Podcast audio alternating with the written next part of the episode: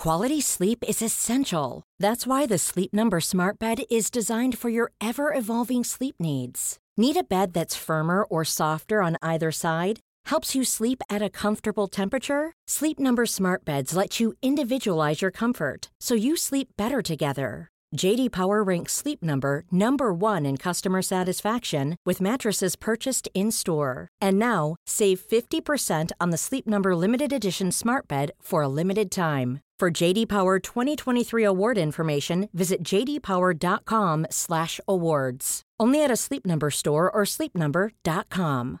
One size fits all seemed like a good idea for clothes Nice dress. Uh, it's a it's a t-shirt. until you tried it on. Same goes for your healthcare. That's why United Healthcare offers a variety of flexible, budget friendly coverage for medical, vision, dental, and more. So, whether you're between jobs, coming off a parent's plan, or even missed open enrollment, you can find the plan that fits you best. Find out more about United Healthcare coverage at uh1.com. That's uh1.com. Even on a budget, quality is non-negotiable. That's why Quince is the place to score high-end essentials at 50 to 80% less than similar brands. Get your hands on buttery soft cashmere sweaters from just 60 bucks, Italian leather jackets, and so much more. And the best part about Quince, they exclusively partner with factories committed to safe, ethical, and responsible manufacturing. Elevate your style without the elevated price tag with Quince. Go to quince.com slash upgrade for free shipping and 365-day returns. I can discuss some of the psychological aspects of the case. You've got to get a hold of yourself. Now look here, Johnson, I'm going to get to the bottom of this. I can discuss some of the psychological aspects of the case. And you're really crazy, you know that? Oh, yes, I remember that. Is this any concern of yours? Stop, stop, stop it now. I mean it. Ja, hei, det er psykolog Sondre Livre her. Diagnosen er dessverre svært alvorlig. Viser seg at alt du tenker og føler er feil. Du må for all del ikke stole på hjernen din, den lyver. Alt du opplever er filtrert via nevroser fra ubevisste avkroker. Hvis du følger nøye med, er det en liten mulighet for at jeg kan hjelpe deg. I discuss some of the I discuss some of the I discuss some of the psychological aspects of the case. Well, I'm just losing my mind, that's all.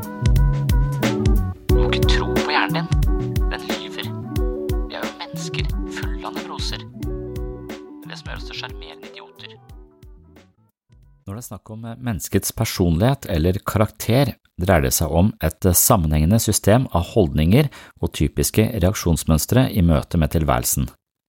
Vår karakter er noe som utformes i samspill med omgivelsene. Det lille barnet leser om seg selv i foreldrenes ansikt. Mennesker speiler seg i andre, og gjennom erfaringer fra det sosiale landskapet utvikles holdninger, selvforståelse og måter å forholde seg på. I amerikansk psykologilitteratur snakker man gjerne om coping mechanisms, mens på norsk kaller man det gjerne for tilpasningsmekanismer. Det handler om en personlig stil som man møter livet med, på godt og vondt. Det er et slags håndteringsmønster som gjennomsyrer mye av personens vesen. Noen er sjenerte, noen er frempå, noen er sjarmerende, forsiktige, impulsive, unnvikende eller skeptiske. Når slike egenskaper er en del av vår karakter eller personlighet, er det noe som utspiller seg mer eller mindre ureflektert. Det er en del av den vi er i møte med verden. Selv om de fremtredende delene av vår personlighet er noe som aktiveres automatisk, er det likevel noe vi ofte er bevisst om. Kanskje beskriver vi oss som sjenerte eller tilbakeholdne, og har dermed en visshet om denne tendensen i vår egen person. Dermed er ikke det vi kaller karaktertrekk noe som krever ekstra mye av vår mentale kapasitet. Det er noe som bare utspiller seg av seg selv, men vi legger likevel merke til det. Personlighetstrekk er ikke en del av kroppens krisehåndteringssystemer som påkaller ekstra ressurser i situasjoner hvor vi på en eller annen måte er utilpasse. Så våre karaktertrekk, det er våre ja, skal vi si, modus operandi i møte med livet. Men i svært pressa situasjoner kan mennesker imidlertid ha behov for ekstra assistanse. Da kan de vanlige mestringsstrategiene rett og slett ikke strekke til, og man trenger noe ekstra for å håndtere veldig belastende situasjoner. Når vi på en eller annen måte føler oss trua, usikre eller redde i møte med livet, hender det at det psykiske forsvaret kobler inn for å avhjelpe situasjonen. Det psykiske forsvaret er noe som kobles inn i tillegg til våre mer karakteristiske egenskaper, og det krever da ekstra psykisk energi. Det er med andre ord snakk om en mer generell psykisk mobilisering i en situasjon som på en eller annen måte ligger over terskelverdien for det vi makter å håndtere med våre sedvanlige tilpasningsteknikker. Det psykiske forsvaret sammenlignes av og til med kroppens immunsystem. Det opererer ofte i det ubevisste og er helt avgjørende for vår psykiske overlevelse. Forsvaret sin oppgave er på sett og vis å sørge for at vi ikke overveldes av følelser. Det fysiske immunforsvaret beskytter oss mot bakterier, virus og lignende, mens det psykiske forsvaret beskytter oss mot sterke følelser som oppstår i forbindelse med indre konflikter eller konflikter mellom individet og omgivelsene. Det psykiske forsvaret sørger for å regulere den angsten som oppstår i møte med livet. Det betyr at det følelser som ligger over terskelverdien for det vi makter å erkjenne, blir dempet, fortrengt eller avskrevet ved hjelp av de ulike forsvarsmekanismene. Det psykiske forsvaret kan sørge for å skape en viss sjelefred, men det kan også forårsake en del sekundære problemer.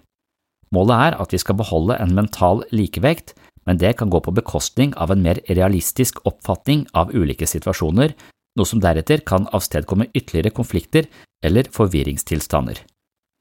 Vårt fysiske immunforsvar kan i visse tilfeller utvikle noen systemfeil eller sykelige reaksjoner som ved for eksempel allergi, og på samme måte kan det skje feilutviklinger i det psykiske forsvaret som gir mennesket visse tilpasningsproblemer. Det er gjerne tilpasningsproblemer av denne typen man forsøker å bearbeide i psykologisk behandling. Det psykiske forsvaret hjelper oss i visse situasjoner, men overgangen mellom de situasjonene hvor Forsvaret har en nødvendig funksjon, og de situasjonene hvor Forsvaret hemmer tilpasning, er flytende og individuelle. Poenget er at det sterke følelser eller innskytelser eller impulser som ikke helt makter å ta inn over oss eller erkjenne at vi har, de skyves ut av bevisstheten, og vi opplever ikke at vi har de. Så det betyr at vi rett og slett eh, forvrenger oppfattelsen av oss selv, eller vi er litt eh, blinde for eh, egen motivasjon, vi forstår ikke helt dybden i egen motivasjon, for det er deler av våre innskytelser vi ikke egentlig orker å vedkjenne oss. Og Det betyr altså at vi må forvrenge oppfattelsen av oss selv lite grann, eller unngå å se sider ved oss selv som vi faktisk har, og Det betyr også at vi eh, har en del ubevisste trekk og tilbøyeligheter som påvirker atferden vår. Og det er jo, Behandling handler jo da om å gjøre det ubevisste bevisst, eh, hvis vi skal tro på det Freud postulerte på slutten av 1800-tallet. Og det er jo noe med det å oppleve verden så virkelighetsnært som mulig, at det kanskje konstituerer psykisk styrke og mental styrke å faktisk våge å se seg selv i et så oppriktig lys som mulig, og forstå de situasjonene man er i på en så oppriktig måte som mulig. Men noen situasjoner er så hjerteskjærende og vanskelige at man må på en måte holde en viss avstand for å klare å holde hodet over vann gjennom den typen situasjoner, og det er da Forsvaret kommer inn og demper de følelsene som er forbundet med den aktuelle situasjonen. Det kan være ting som skjer utenfor oss selv, men det kan også være følelser og innskytelser som kommer fra innsiden. Så Forsvaret sørger for at vi beholder balanse, men eh, prisen vi betaler er da en litt forvrengt virkelighetsoppfattelse, eller at alle elementene ved en situasjon ikke er tilgjengelig for oss fordi Forsvaret holder det utenfor bevisstheten. Og det er også tema i dagens episode av Sinnsyn. Velkommen skal du være. Oh, I'm just losing my mind, that's all.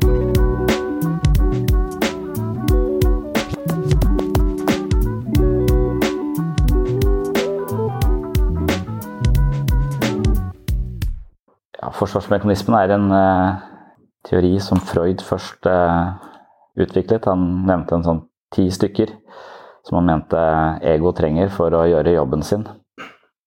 Og Forsvaret sørger bare for at vi ikke lider en sånn psykologisk overlast med for mange følelser. Så problemet er at vi kan ikke se verden akkurat slik verden er, eller uh, oss selv akkurat slik vi er. For det vil være for tungt å bære. Så derfor så må Forsvaret trå til og på sett og vis forvrenge litt av følelsene våre, sånn at vi kan håndtere de og leve med de. Og så er kanskje da Mental styrke er jo å tåle flere og flere følelser. Tåle de uten å måtte forvrenge de eller pervertere de på en eller annen måte. Og erkjenne de og ta ansvar for de. Så det er et modent forsvar. Det er, det er egentlig ikke et forsvar, det er når vi rett og slett tar ansvar for egne, egne følelser. Så er det det mer eh, nevrotiske forsvaret, hvor vi undertrykker eh, følelsen. Det er sånn eh, klassisk sett ofte veien til angst og depresjon. For det er ofte de litt aggressive følelsene vi undertrykker. Og de følelsene som er litt vanskelig, og, eller som ikke kanskje vi anser som helt eh, sosialt eh, akseptable. Og sinne er eh, mye livskraftig, det er mye selvhevdelse. og Hvis du undertrykker det, så vil det også være en voldsom kraft som undertrykkes. Du blir litt redd for den kraften i deg selv, så du går rundt med en sånn slags uro. Det er en sånn type angst hvor du rett og slett er egentlig redd for å klikke. Du er redd for ditt eget eh, indre eh, raseri. Fordi du ikke eier det, på en måte. For alt det vi skyver ut i skyggen, det vil jo være i skyggen og ikke i, vår, i vårt personlige eierskap, nærmest. Og da kan det plutselig overmanne deg, og så klikker du på, eh, på, sjefen eh, selv om du egentlig er sur på noen helt andre, og så kommer det feil ut. av Så så, så, undertrykkelsen fører både til eh, angst, liksom litt redd for seg selv, nærmest, en sånn indre uro. Men det kan også føre til eh, depresjon, fordi det nettopp er ganske depressivt å ikke hevde seg selv, ikke ville noe. Ikke, ikke, ha den livskraften som ligger i det aggressive. For det er jo noe som, det er jo en selvopprettholdelsesdrift, en veldig livskraftig drift, som sørger for at vi vil, vi vil noe, vi vil et sted. Vi, vi, har en energi som ønsker å utrette noe i, eh, i verden interesse og iver gjør det, som er en viktig drivkraft. Men sinne prøver også øh, ja, øh, Hvis det står ting i veien for oss som vi må, vi må forsere, så er det den kraften. Om det er politisk eller hva det skal være, så er det kanalisert inn i en, øh, i en, en sånn sivilisert form. Da. Man trenger litt vilje til forandring i politikk, f.eks., hvis man skal være en potent politiker. Så det jeg tenkte å gjøre i dag, var egentlig ikke å snakke sånn generelt ja, Neste nivå er det primitive, hvor vi ikke orker følelsen, men legger følelsen over Eh, i andre mennesker. Og Det er for eksempel, og det, det, foregår jo mellom folk da, av og til. Jeg har sett på det som poser. ikke sant? At man mer eller mindre sniker sine poser, som er for tunge å bære for en selv, over på andre sine fang. Og det kan spesielt da kanskje gjelde sinne. da. Så, så hvis man anser at man ikke er spesielt eh, sint, så, så, kan man anklage andre for å være sinte. Det er en diskusjon f.eks. Jeg, jeg syns du virker sint. altså og når du sier det to-tre ganger, så vil jo den andre parten bli forbanna fordi du anklager vedkommende for å være sint, og da blir personen også bærer av det sinnet, og så kan det ja, du er jo helt uh, ute. altså Du tar, du, kjenner, du tar ikke ansvar for din egen aggresjon, så legger du den over. Så andre blir liksom sånne psykologiske støttekontakter for deg, hvor de bærer dine følelser. og det, det ødelegger relasjonene våre, åpenbart. Men det er ikke alltid vi er klar over at vi driver med det engang. Det er det projektive. Vi projiserer vårt eget indre over på, på, andre. Men i dag så tenkte jeg bare også se hvor langt vi kommer med å ta en og en eh, forsvarsmekanisme. og egentlig eh, En som heter Christoph Perry har beskrevet hvordan de oppstår. Hvordan ser de ut når vi møter de i hverdagen? på en måte? Hva, hva, slags, eh, hvordan, hva slags, uttrykk får det i et hverdagsliv? Ja, Den største, første som står på min liste, er sånn handlingsforsvar. Jeg vet ikke om hvor interessant den egentlig den egentlig er. Da, men handlingsforsvar er rett og slett eh, voldsomme fyllekuler.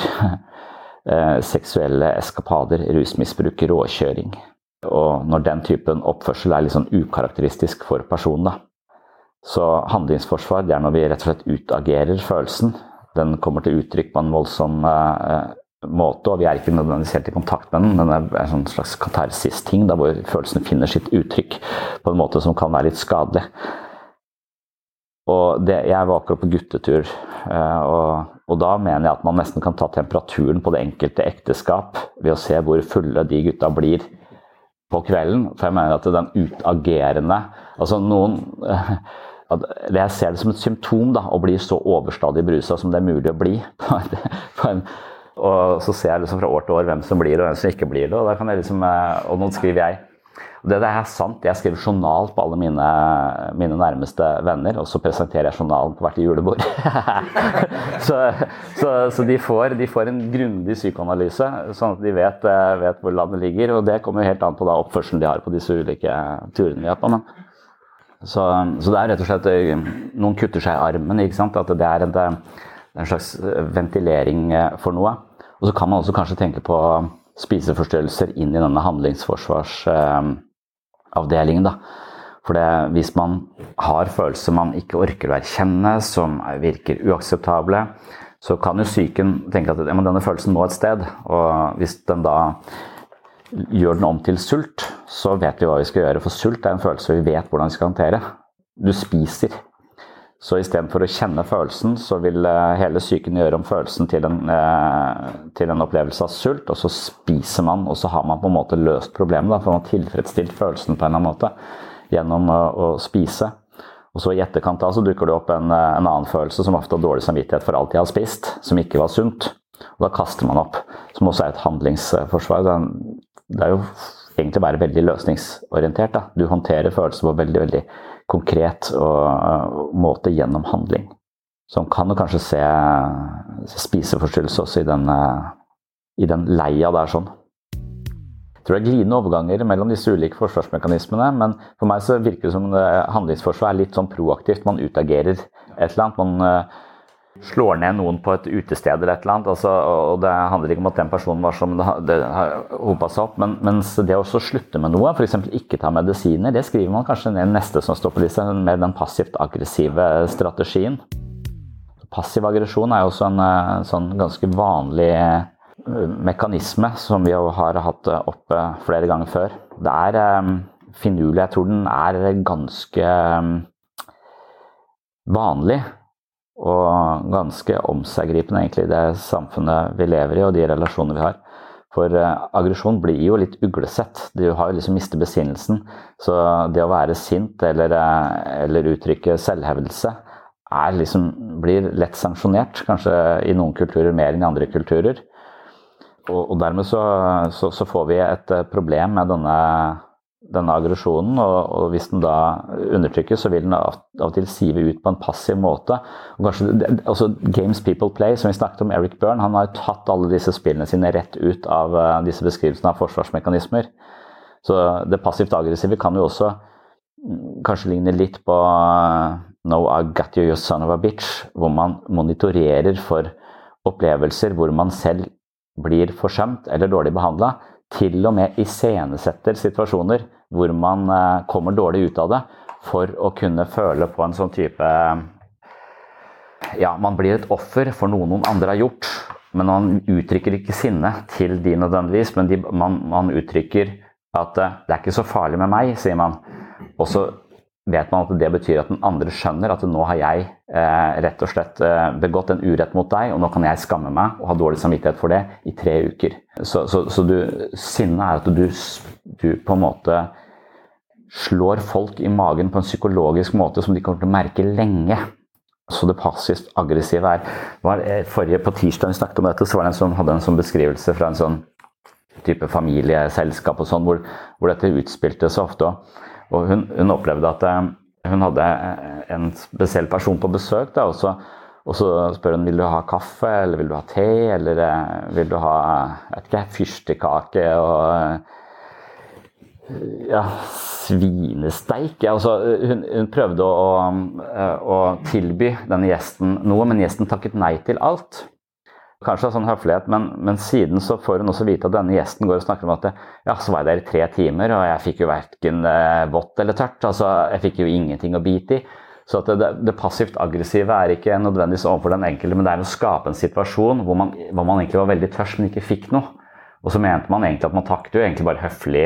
Man mente vel at man skulle få noe servert selv om man liksom var eh, beskjeden. Jeg vet ikke hvordan de forstår dette. Men så i etterkant så kan de beklage seg over denne personen som ikke gir de som, som ikke er en god vert. Da.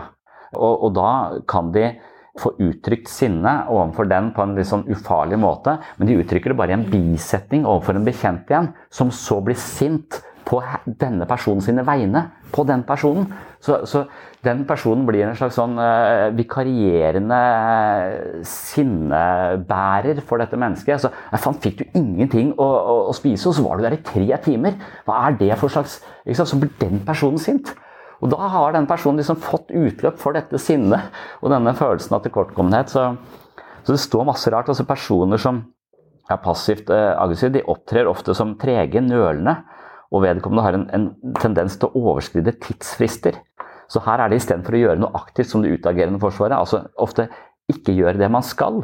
Så, så, man uttrykker en slags motstand og misnøye ved å rett og slett levere for seint, eller jobbe litt seint, eller eh, ikke komme på tida. altså sånne sånne ting. Også istedenfor å spørre om hjelp, så ser det ut til at personen foretrekker å beklage seg over at andre unnlater å hjelpe. Og Personen er da tilsynelatende vennlig og hjelpsom, men når han eller hun presses til å gjøre en oppgave, så forsvinner samarbeidsviljen, og oppgaven treneres.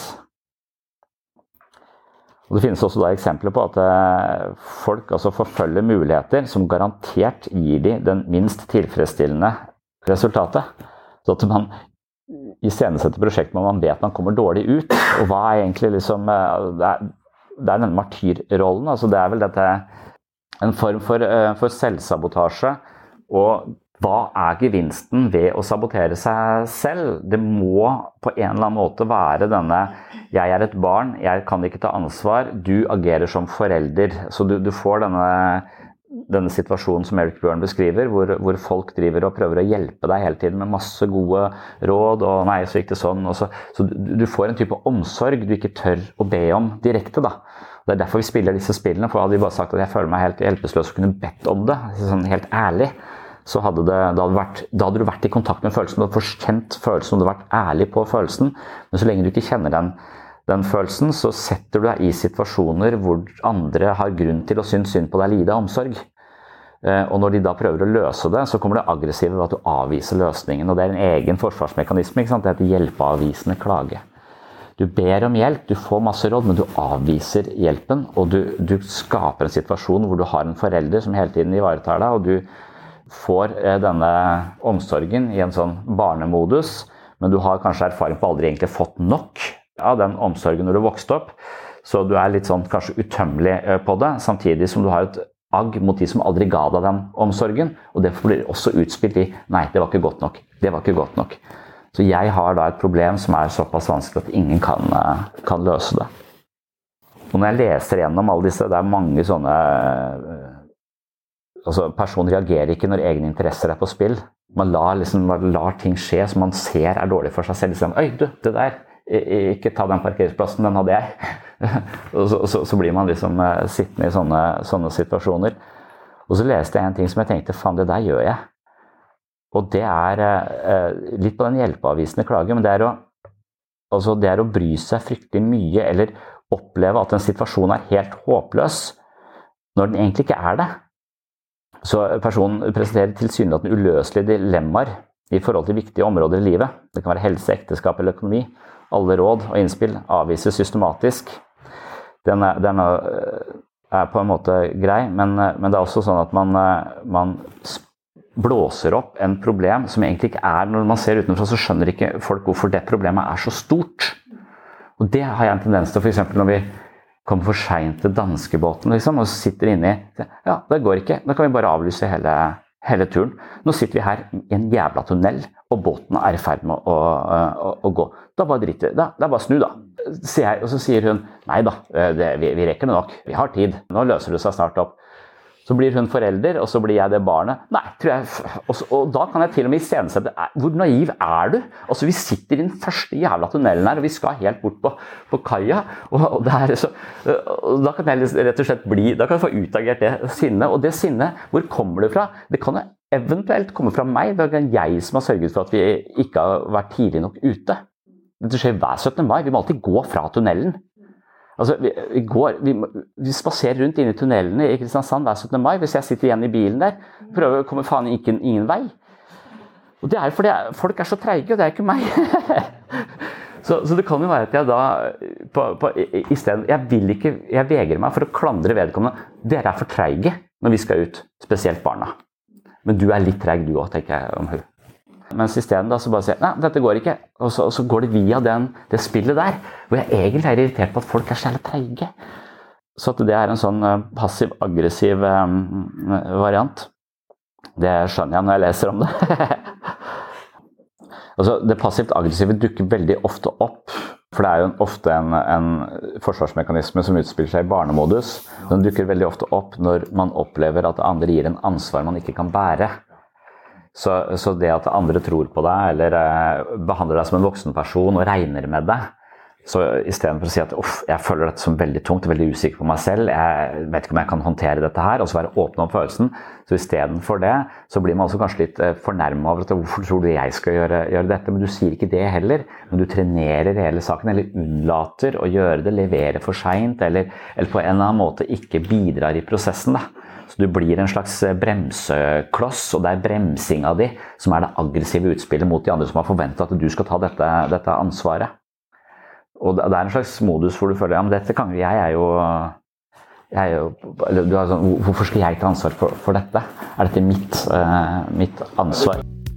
Ja, man er nok redd for uh, Man frykter uh, å ta fullstendig ansvar for sitt eget liv. Og jeg har jo av og til anklaget mennesker for å være ubevisst umodne.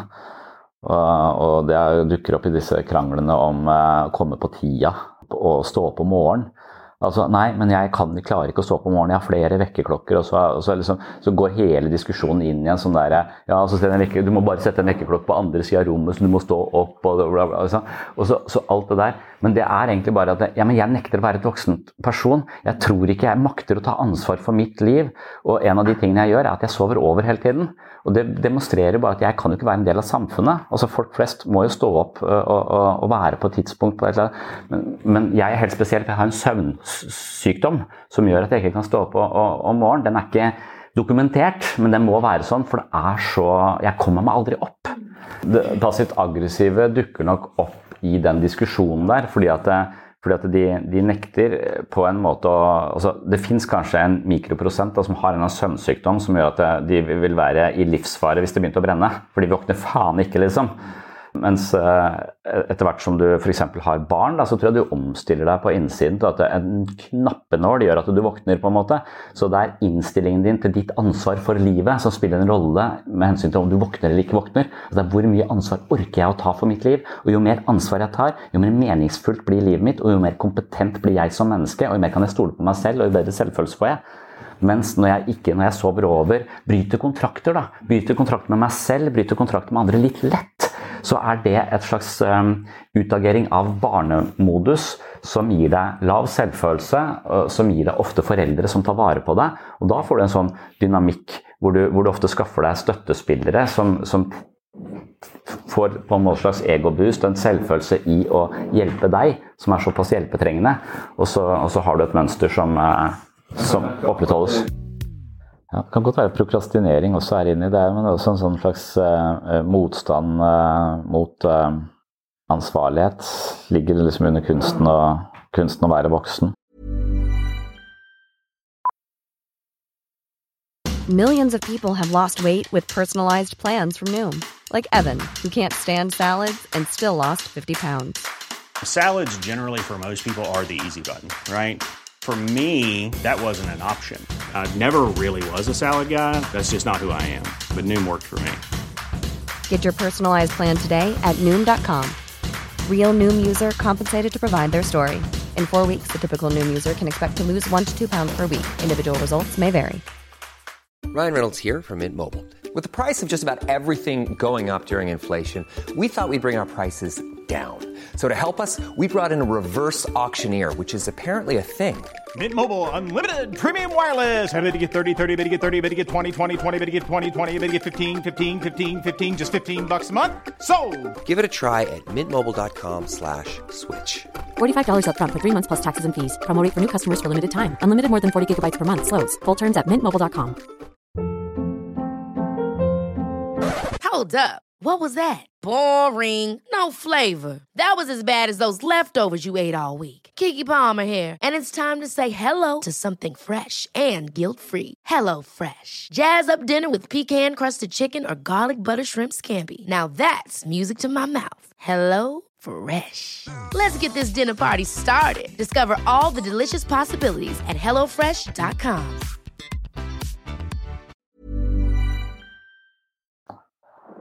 Det kan sikkert ha veldig mange, mange årsaker. Det er veldig mange som uh, ikke fullfører studier.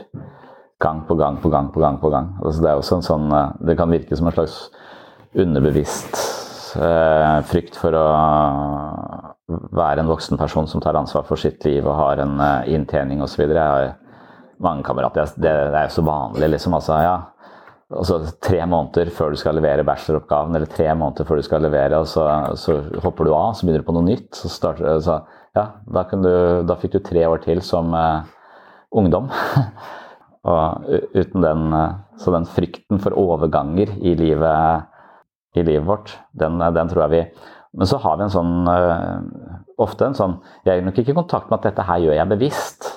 for å, Litt sånn som den kriminelle som prøver å stikke av fra fengselet, vel vitende om at det er umulig. Den eneste som sørger for at du får lengre straff. Fordi du på et eller annet ubevisst nivå ønsker å være bak lås og slå lenger, for der er det trygt. Du vet eh, dagene har rutine.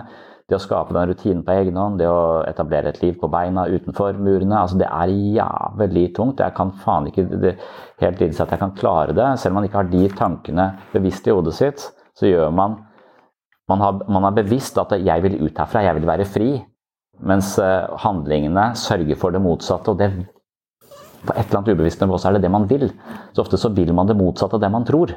Og det er det forsvarsmekanismene eh, kan fortelle oss noe om. da.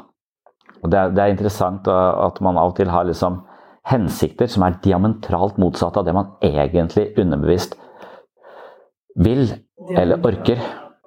Ja, stikk motsatt, liksom. Men med en gang du konfronterer andres forsentkomming og sånn slurverier, på en måte, så, så, er du tvunget inn i eh, foreldrerollen. Så du skaper en asymmetri hvor du blir en forelder for dette uh, barnet. Jeg tror nok man alltid gjør det best å være voksen, voksen og forholde seg også til den personen som om den er voksen. Kreve det av vedkommende. Så den der voldsomme den Du kommer for seint. Sånn, men heller bare sånn snike det inn sånn Ja, og neste gang alle på Det er viktig at vi får med oss alle dette. Altså at man kommer med sånne ting uten å gå direkte på vedkommende. Det tror jeg det er veldig vanskelig. Ja. Altså det med en hjelpeavvisende klage, og det, det, som jeg føler er sånn veldig veldig trikk i dette området, det er somatikk. Fysisk smerte. For det er mange som nettopp uh, er i denne situasjoner hvor de har veldig masse fysiske eh, smerter. Og i boka til Christoph Perry så listes det som en passiv-aggressiv eh, forsvarsstrategi. Altså en måte å og en forsvar, altså, forsvar er ikke noe negativt nødvendigvis, det er en måte å beskytte seg på, eller få det man trenger på. da. Jeg lurte på det selv, for når jeg var på den gutturen, så, så skada jeg meg. Liksom jeg krasja med en, og så følte jeg liksom at nakken nesten sånn Å, faen, det var redd for at den liksom knakk nesten. da. Men, og, og, så ble jeg på en måte litt redd. Og så merket jeg at de andre ble veldig sånn omsorgsfulle. En side jeg aldri har sett hos disse menneskene før. Og så var det som om jeg nesten og så ble jeg sånn usikker på om jeg egentlig var skada eller ikke. Og så kjente jeg at det var, ganske vondt, ikke vondt. Så, så akkurat som jeg vurderte min egen grad av uh, smerte, men så så jeg også at det, gevinsten ved å ha denne smerten var plutselig at de viste en side, og jeg følte jeg kom nærmere de. Eller, altså, men da kunne jeg jo spilt dette spillet på å fortsette å ha vondt. da. Men så tenkte jeg men det er et games people play. Så, altså, egentlig vil jeg kanskje på en eller annen måte prøve å fasilitere en eller annen måte hvor vi kan være litt mer uh, rause med hverandre. da. Kanskje istedenfor bare å gå og bjeffe på hverandre hele tiden, som er en slags sjargong som kanskje er gøy, men likevel. Så, så, det skjedde et eller annet hvor jeg følte jeg kunne velge, men jeg merket at smerten hadde en slags velgjørende effekt, også en psykologisk. Uh, så, så, så, jeg lurer på om, om man kan Altså, når det står på fysisk smerte, så står det personen beklager seg over fysisk smerte. Symptomene endrer seg stadig, noe som gjør at man aldri kommer helt i dybden av problemet. Det gjør også at effektiv behandling blir vanskelig, hvorpå personen klager over manglende hjelp og oppfølging. Det er det passivt aggressive, ikke sant? så man, eh, ingen eh, stiller opp. Men, men, man kan også forestille seg at denne somatisering som en egen lidelse da, kommer hos mennesker som for min del ser det ut som det er i hvert fall en del kulturer, kanskje noen familier, noen miljøer som ikke har noe språk for uh, følelser, eller at det å be om hjelp eller være sårbar overhodet ikke er aktuelt. Og noen kulturer har det sånn. Noen kulturer har det sånn for menn, noen kulturer har det sånn for damer. Altså det, det, er, det er forskjellig. Men de vil ofte få en fysisk smerte som man utreder og utreder utreder, men aldri finner noe. Og så, og så kommer de til, til, slutt i et psykisk helsevern. Og da, da er vel ideen at det, Eller i forsvarsforstand da, så er det at den, den smerten den gir meg en type omsorg jeg aldri kan klare å be om. På noe som helst nivå. Jeg får en type nærhet til andre som jeg aldri har klart å etablere. Jeg får den omsorgen. Men du blir også et offer for, eh, for noen. Hvis du er passivt aggressiv og er forbanna på at du har det sånn, så, så kan du, få utagert Du kan både få omsorg og utagert aggresjonen din. Men, men, for meg så er det liksom eh, Mange vil si at hvis du anklager meg for at min eh, fysiske smerte er psykisk, da blir jeg indignert og jævlig forbanna, for det høres ut som en hersketeknikk, nærmest. Og så påstå at folks fysiske smerte er innbilt. Men jeg tror ikke den er innbilt. Jeg tror du har fysisk smerte, men den kan ha et eller annet opphav. Altså det er en gevinst ved den smerten, og kanskje gevinsten ved å beholde smerten er større enn at smerten forsvinner. For hvis smerten forsvinner, så er du tilbake til den situasjonen hvor du må, må skape nærhet og omsorg og, og kontakt med andre ut ifra de forutsetningene du egentlig ikke hadde. Så, så, det, så det smerten tjener en absolutt funksjon. da. Men det er jo eh, Folk blir eh, altså det, det, Folk har ofte somatikk. Da føler vi liksom Nei, det kan ikke si noe på. Altså det er et slags sånn eh, mens, mens, mange går rundt med diffuse smerter som de ikke finner noe og jeg tenker Mange har vondt i kjeven, liksom. Får vondt i hodet. Altså, og de er aldri sinte. Jo, om natta så er du det.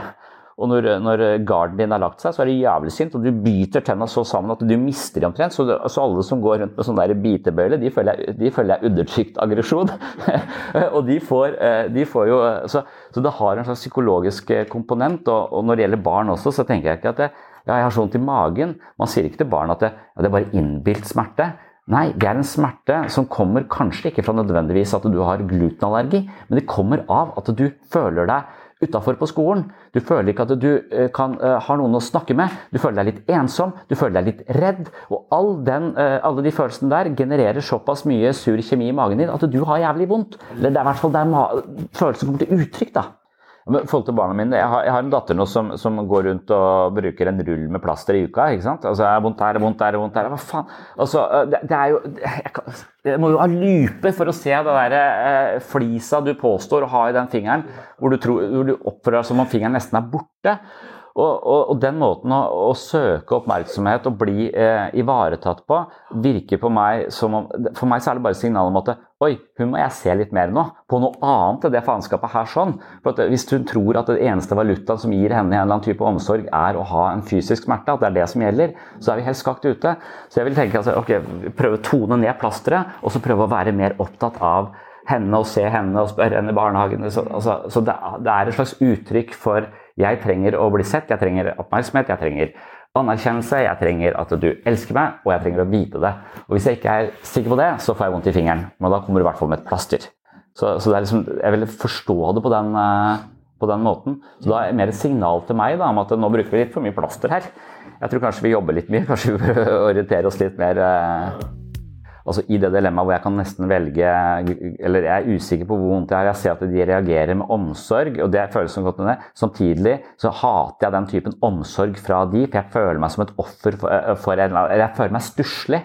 Så, så, prisen jeg betaler for å få omsorg, er å føle seg stusslig. Og jeg er litt sånn vaksinert mot å føle meg stusslig, så jeg vil ikke det heller.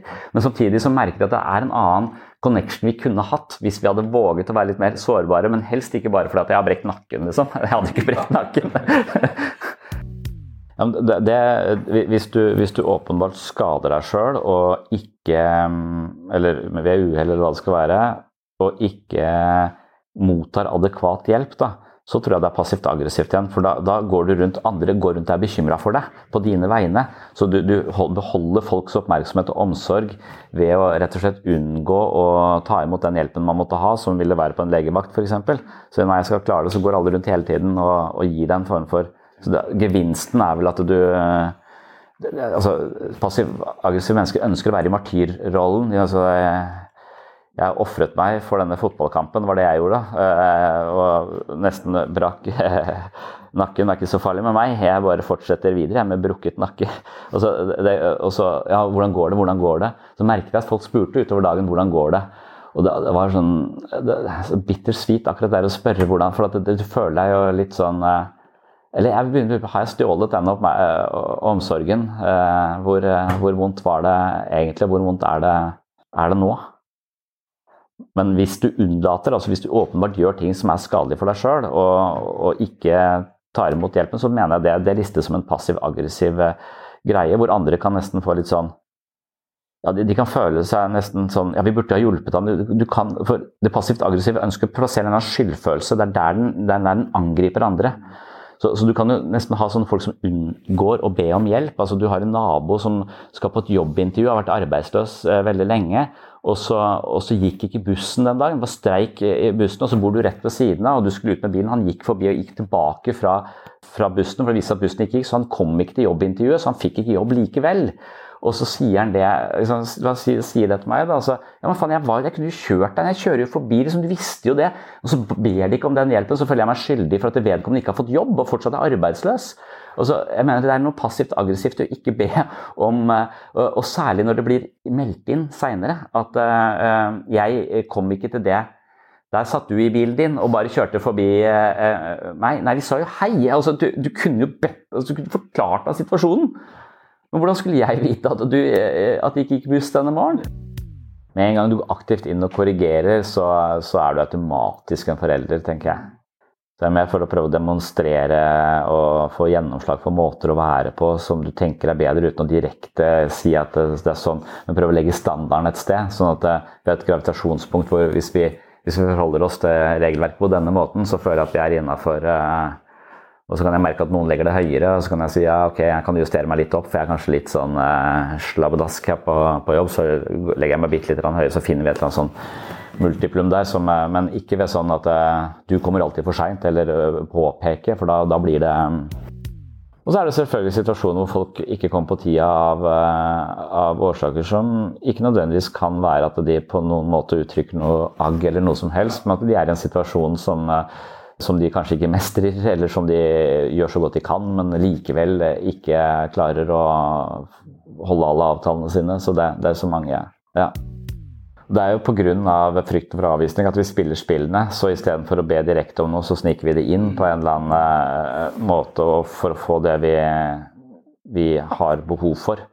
Og det er da det virker som om andre, når de gir det, så, så gir de det, så føler de nesten at det er stjålet. Altså, du, du, du stjeler denne det er litt den følelsen av uh, hvor vondt har jeg egentlig? Hvor mye omsorg trenger jeg for den eh, smerten her? sånn? Og hvis jeg overdriver det, så stjeler jeg omsorgen. Jeg føler den er stjålet, og omsorg som er stjålet, den smaker surt.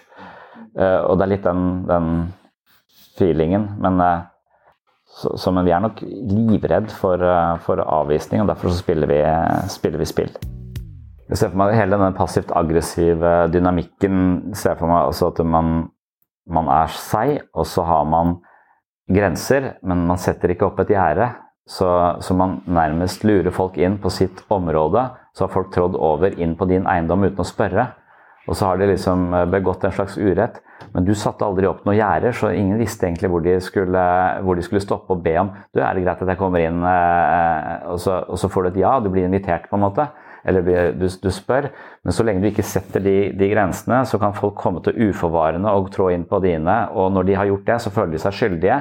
Og du trenger ikke å si, gjøre så mye annet enn å bare se ja, dette er jo egentlig mitt område. Og, og, og, og så er det liksom sånn eh, så det er nesten istedenfor å sette opp gjerder som er sånn grensesettende Her går grensene mine, som er en selvhevdende ting å gjøre. Så, så gjør du ikke det altså Forsvaret er det passivt aggressive, for du gir den andre skyldfølelse for at den har vært der. Og så begynner de å tipptå litt rundt deg. De blir litt redd for å omgås deg, egentlig, for de vet ikke helt hvor grensene dine er. og de er sånn, hvordan, hvordan, har du det? Så, så du blir jo et, et, menneske som er vanskelig å omgås uten disse, disse grensene.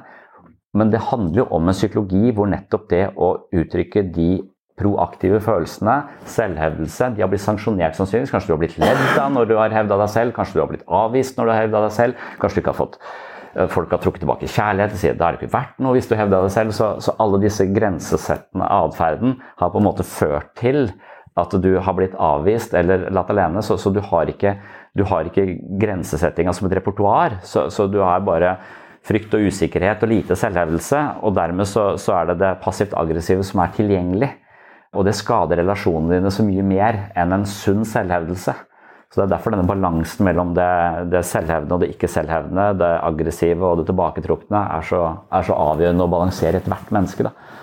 For er vi for, eh, for, på, så blir vi jo dårlig likt. Men hvis vi ikke setter grenser, så blir vi en person som det er kjempevanskelig å, å være rundt. Et slags sånn slags, du, er, du, du, er, et slags vandrende minefelt, og det den andre risikerer, er å føle seg skyldig i å ha begått deg en urett, uten at du For du sa ikke fra hvor, hvor du var. Og når dette gjøres veldig passivt aggressivt uten at man er bevisst det, så er det nesten sånn at man sitter og koser seg på en måte, og sitter og venter på at noen skal trå inn på mitt minefelt. Og så bang! Der smalt det, og du sier, du sier Oi, der er det en mine. Hvis du gjør sånn mot meg, så blir jeg krenka. Nei da. Du bare Se der, ja. Og nå kan du kjenne på den smerten, eh, smerten der sånn. Altså, jeg jobba på en bensinstasjon som holdt på med det bare i sånn fysisk forstand. Altså jeg jobba på en marina rett ved Tjøme da jeg vokste opp. og, og Utenfor der så var det et skjær. og Det var sånn som på den filmen man har sett, den der eh, deilige skjærgården eller et eller annet sånt. At vi kryssa av hver gang folk gikk på det jævla skjæret. og vi kosa oss litt over det. Så, faen, så utrolig antisosialt å stå der. Kommer til å gå på. Ja, den går på. Bang! Ja, det gjorde den!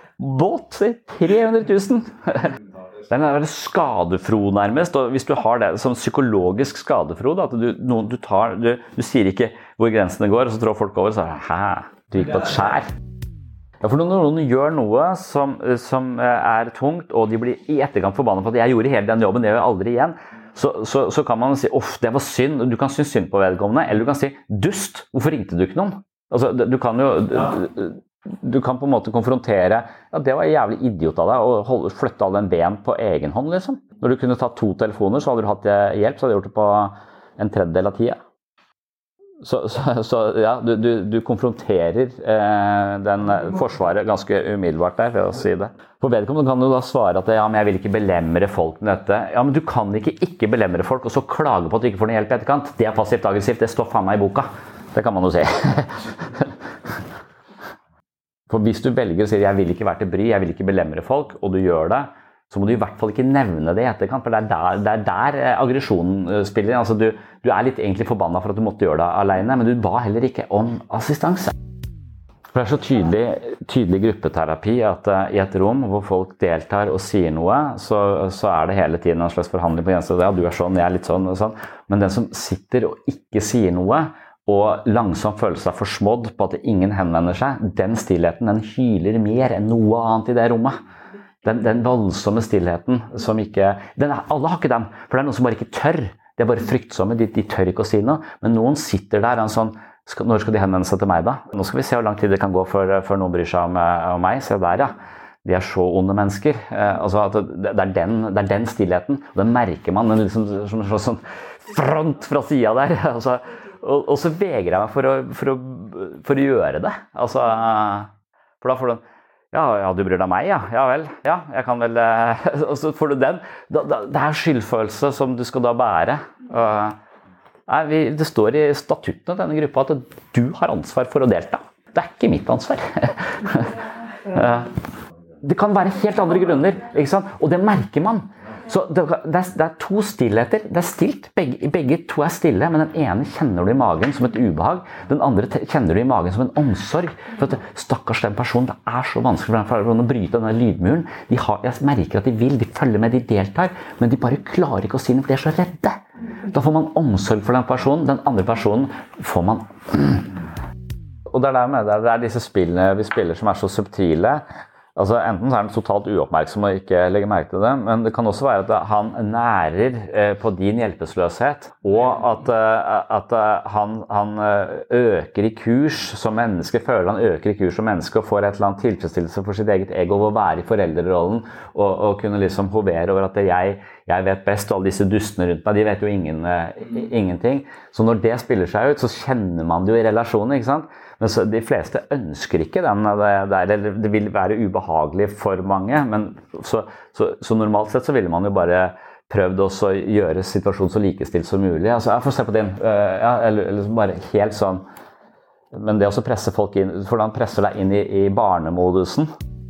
Ja, nei, jeg, eh, jeg, vokste opp eh, på nesten eh, rett ved Tjøme, liksom. Og det er et sted hvor, som fylles opp av overdrevent rike mennesker hele sommeren. Og jeg hata de. Men jeg hata de i, i, kraft av at jeg selv følte meg underlegen og tilkortkommen og uh, fattig i forhold. Så, så det å stå og fylle bensin fordi de gadd ikke fortøye de der jævla båtene sine, så måtte de kaste meg ut og redde båter. Bare gikk opp og så oppførte seg på den måten. Så når de gikk på skjær, så var det deilig. For jeg kunne ikke konfrontere dem, men det var en slags passiv-aggressiv utagering. Jeg hadde ikke noe med det å gjøre. De bare, det var ingen som gadd å sette opp en sånn der påle på det skjæret. Jeg følte det ikke var mitt ansvar. altså Jeg ville i hvert fall ikke redde disse. Og det eneste aktive jeg gjorde, var sånn Du, hvis vi skal ut til, til kongehytta, hvor er det kjører? Du kjører rett gjennom sundet der. så vet jeg, Det er mye kjappere å kjøre på høyresida der enn på venstresida. Bare kjør rett gjennom der, du. og så gikk jeg i jobb. Mange av disse forsvarsmekanismene. De har lista 30. En annen er følelsesmessig ansvarsforskrivelse. Jeg tror det er det vi ofte forhandler om. Vi forhandler om eh, hvem som skal eh, bære følelsen. Og ofte da forhandler om hvem som skal bære følelsen av skyld. Man sier jo at den i en familie som har muligheten til å pålegge andre mennesker en følelse av skyld, er den personen som har mest makt. Så det er det, det kraftigste middelet vi har, og det kan man gjøre totalt uten, uh, uten sånn aktiv selvhevelse. Så det å gi noen skyld, da binder du de på en ganske sånn kraftig, kraftig måte. Og det er vel det vi ofte da liksom forhandler oss imellom om. Da, hvem, eh, hvem skal bære, bære, skylden for dette her? Og det tror jeg også er liksom sånn Det spiller seg helt inn i diagnosesystemet, på sett og vis. at eh, så spørsmålet ved enhver, enhver eh, La oss si psykisk plage, som er såpass diffus, Altså, hvem er ansvarlig for at livet mitt er sånn som det er nå? Er det hjernen min som er ødelagt? Kan jeg få en eh, biologisk diagnose som er ADHD, hvor jeg på en måte får veldig lite skyld, men jeg får også veldig lite eh, muligheter til å gjøre noe med situasjonen min fordi at eh, løsningen er mm, amfetamin altså, kontra følelse hvor man på en måte psykologiserer alt. Da, og sier at alt er ditt eget ansvar. altså, din, eh, altså Du har alltid et valg. Så kjører du det helt ut på den totalt liberale siden, hvor, hvor, folk får så mye ansvar på sine skuldre som de egentlig ikke Det er ikke riktig det heller. ikke sant? For, men, altså, men, grunnen til at du er i den situasjonen du er i, er en million forskjellige årsaker, og mange av de er utenfor din kontroll. altså Du har kanskje vokst opp i en en kultur som aldri har satt et ord om en eneste følelse. at Du har ikke noe språk på det, du har aldri lært det, og dermed så har du ikke mulighet til å håndtere det. Eller du har blitt kritisert hele livet og har en stemme inni hodet som sier at du er helt verdiløs. Altså, alle disse tingene kan du ikke nødvendigvis noe, noe, for, men det er på en måte ditt ansvar likevel. Du, må, du kan skylde på fortiden din. Og så kan du ha det som en forklaring uten å egentlig ta det, hva bruker du den innsikten til? Bruker du den innsikten til å bli et offer for din fortid? Bruker du diagnosen til å bli en offer for diagnosen? Eller bruker du det som en, et utgangspunkt for innsikt, for så å finne ut av hva kan jeg gjøre? Og Der har vi der eksempelet med den babyen på trappa. Hvis du våkner en morgen og det er en baby på trappa di, så, så er det ikke din skyld at den babyen havna der. Men hvis du bare skrever over, henter avisa og skrever inn igjen og lar den fryse i hjel, så er du på et eller annet tidspunkt medansvarlig for at den babyen der dauer. Det var ikke din skyld at den havna der, men det ble plutselig ditt ansvar. Og sånn er det med livet vårt, at vi får ansvar for ting som ikke er vår skyld. Og hvis vi bærer det ansvaret, så har vi enormt mulighet for vekst og utvikling. Mens eh, hvis vi eh, vegrer oss for alt mulig sånn ansvar, så er prisen vi betaler depresjon og meningsløshet. på et eller annet tidspunkt. Og da er hele, hele holdningen ja, Du kan styrke sånn, men hele holdningen til skal noen reparere eh, meg, eller skal jeg finne veien ut av det? Psykisk helsevern er så annerledes enn somatikk. Somatikk er liksom Da føler jeg du blir reparert. Det er litt mer som et verksted, på en måte. Selv om jeg tror også at uh, somatiske tilstander har en helt klar psykologisk komponent. Det handler om hvordan du har levd, uh, hvordan du har tatt vare på deg selv. Og hvordan du tar vare på deg selv handler om hva slags syn du har på deg selv. Så det, det spiller inn der også. Men ofte uh, et brukket bein er liksom litt mer ærlig enn en, en det, en det, psykiske. Så her blir hele denne forhandlingen om, om ansvar og, og, skyld ganske sånn den fungerer subtilt hele tiden, men det ligger liksom i underteksten. Og noen går inn i behandling etter behandling etter behandling, forventer en eller annen mirakuløs kur. og når det ikke skjer, så, blir de, så, så spiller de spillet altså eh, Jeg fikk ingen hjelp, altså ingen hjalp meg, ingen gjorde det. altså så vidt jeg kan se her, så er det 30 stykker som har prøvd, men ingen har vært gode nok, tydeligvis. Så, ja, de, så, så man kan liksom spille dette, dette spillet. Ja. Det er nesten det der handlingsforsvaret, det å gjøre noe, den spiseforstyrrelsen f.eks. Det er nesten som det er nesten institusjonalisert i denne La oss si man, man har for mange kilo, og så er ikke løsningen å se på jeg spiser fordi jeg mangler relasjoner. Så i meg så er det et sort hull, og der kunne det vært en, en god relasjon, en åpen relasjon. Jeg vet ikke helt hvordan jeg iscenesetter gode og nære relasjoner. Så isteden så fyller jeg det hullet med alkohol eller rusmisbruk eller mat.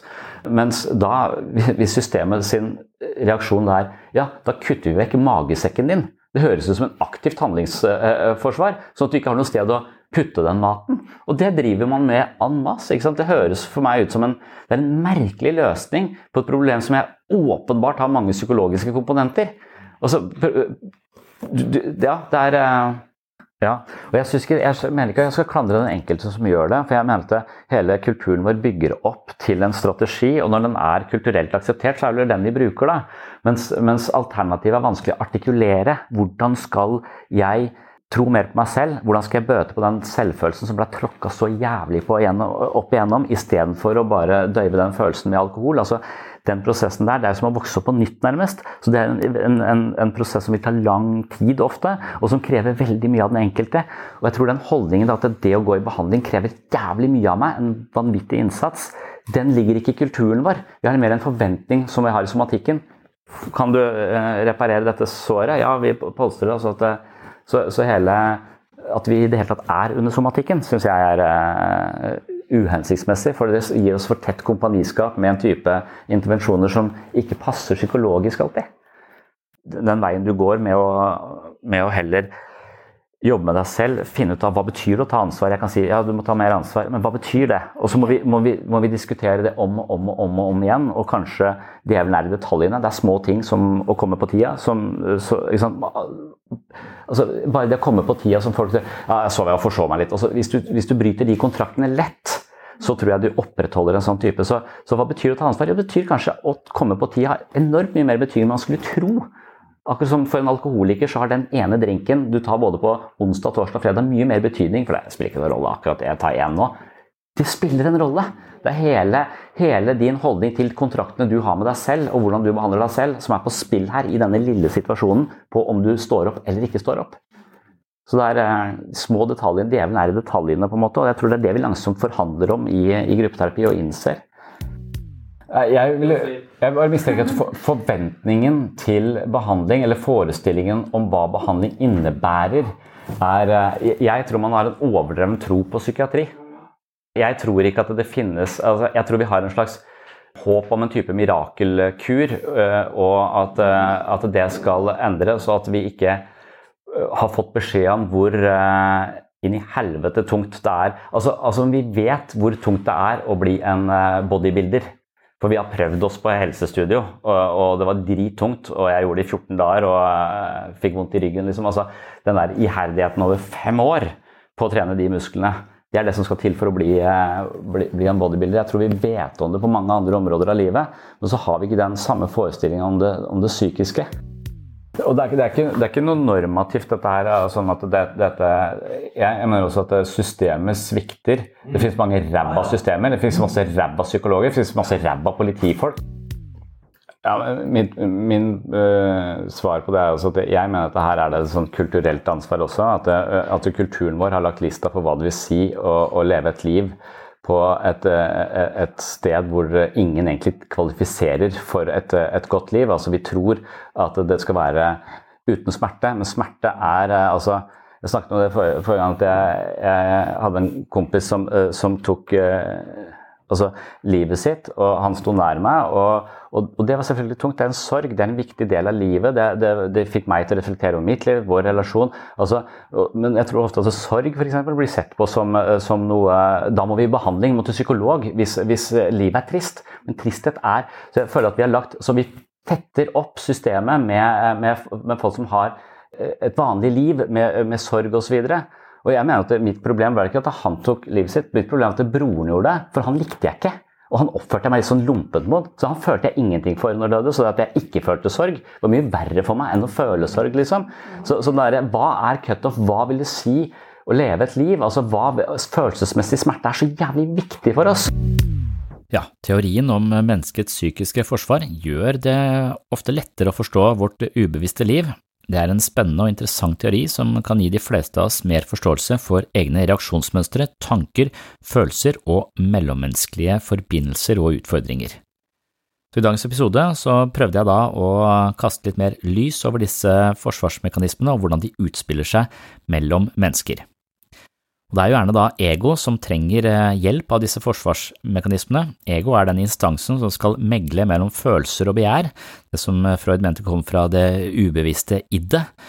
Og så skal det også forholde seg til moralske prinsipper som kommer fra superego. Så det er sånne strenge foreldrene og den litt mer viltre, ubalanserte og litt sånn hensynsløse lystprinsippet. Og det å forholde seg til eh, det vi har lyst til, samtidig som forholde seg til alle de reglene og normene som vi også må eh, ta hensyn til, det er eh, utfordringen til ego å megle mellom disse ulike driftene i et menneske, da. Så forsvarsmekanismene de hjelper da ego å beholde denne psykiske balansen, og når det dukker opp følelser og tanker som er angstprovoserende, så vil Forsvaret tre inn og sørge for at vi ikke overmannes av psykisk materiale som ligger over terskelverdien for det vi makter å ta inn over oss. Forsvaret må tidvis forvrenge virkeligheten for å skåne oss, og her finner vi fenomener som fortrengning, intellektualisering, skyldfordeling og mange av årsakene til at mennesker kommer i konflikt eller utvikler symptomer. Så det var det som var en kort oppsummering av dagens tema. Forsvarsmekanismer har jeg snakket om mange ganger tidligere her på podkasten, så hvis du er mer interessert, så kan du gå tilbake i eh, biblioteket og finne fram til de. Ellers så vet du sannsynligvis at jeg har en app hvor det finnes masse, masse, masse ekstramateriale fra denne podkasten. Der er alle leksjoner jeg har holdt, og der er det meditasjonsprogrammer, og du kan komme i form på 20 dager med fitness og yoga osv. osv. Så hvis du fortsatt hører på denne podkasten fra en tilfeldig podkastavspiller, så håper jeg at du isteden laster ned Sinnsyn-appen og hører på denne podkasten derfra. Så du kan få mye ut av den appen, selv uten et abonnement. Der finner du mye som ikke du får tak i her på en sånn vanlig podkastavspiller, hvis det er her du hører, da. Så last ned appen og sjekk den ut. Takk for følget, og velkommen tilbake i neste episode. Oh, I'm just losing my mind, that's all.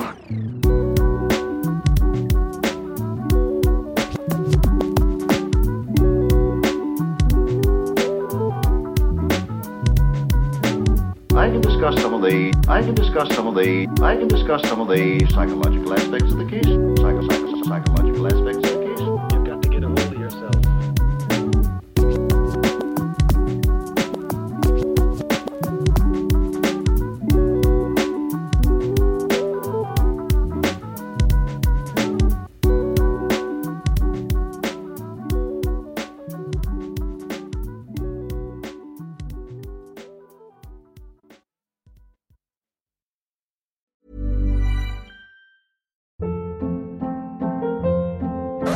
Hold up. What was that? Boring. No flavor. That was as bad as those leftovers you ate all week. Kiki Palmer here, and it's time to say hello to something fresh and guilt-free. Hello Fresh. Jazz up dinner with pecan-crusted chicken or garlic butter shrimp scampi. Now that's music to my mouth. Hello Fresh. Let's get this dinner party started. Discover all the delicious possibilities at hellofresh.com. Mom deserves the best, and there's no better place to shop for Mother's Day than Whole Foods Market. They're your destination for unbeatable savings, from premium gifts to show-stopping flowers and irresistible desserts. Start by saving 33% with Prime on all body care and candles. Then get a 15-stem bunch of tulips for just $9.99 each with Prime. Round out Mom's menu with festive rosé, irresistible berry chantilly cake, and more special treats. Come celebrate Mother's Day at Whole Foods Market. Hey, it's Paige DeSorbo from Giggly Squad. High quality fashion without the price tag. Say hello to Quince. I'm snagging high-end essentials like cozy cashmere sweaters, sleek leather jackets, fine jewelry, and so much more. With Quince being 50 to 80% less than similar brands. And they partner with factories that prioritize safe, ethical, and responsible manufacturing. I love that. Luxury quality within reach. Go to quince.com slash style to get free shipping and 365 day returns on your next order. quince.com slash style.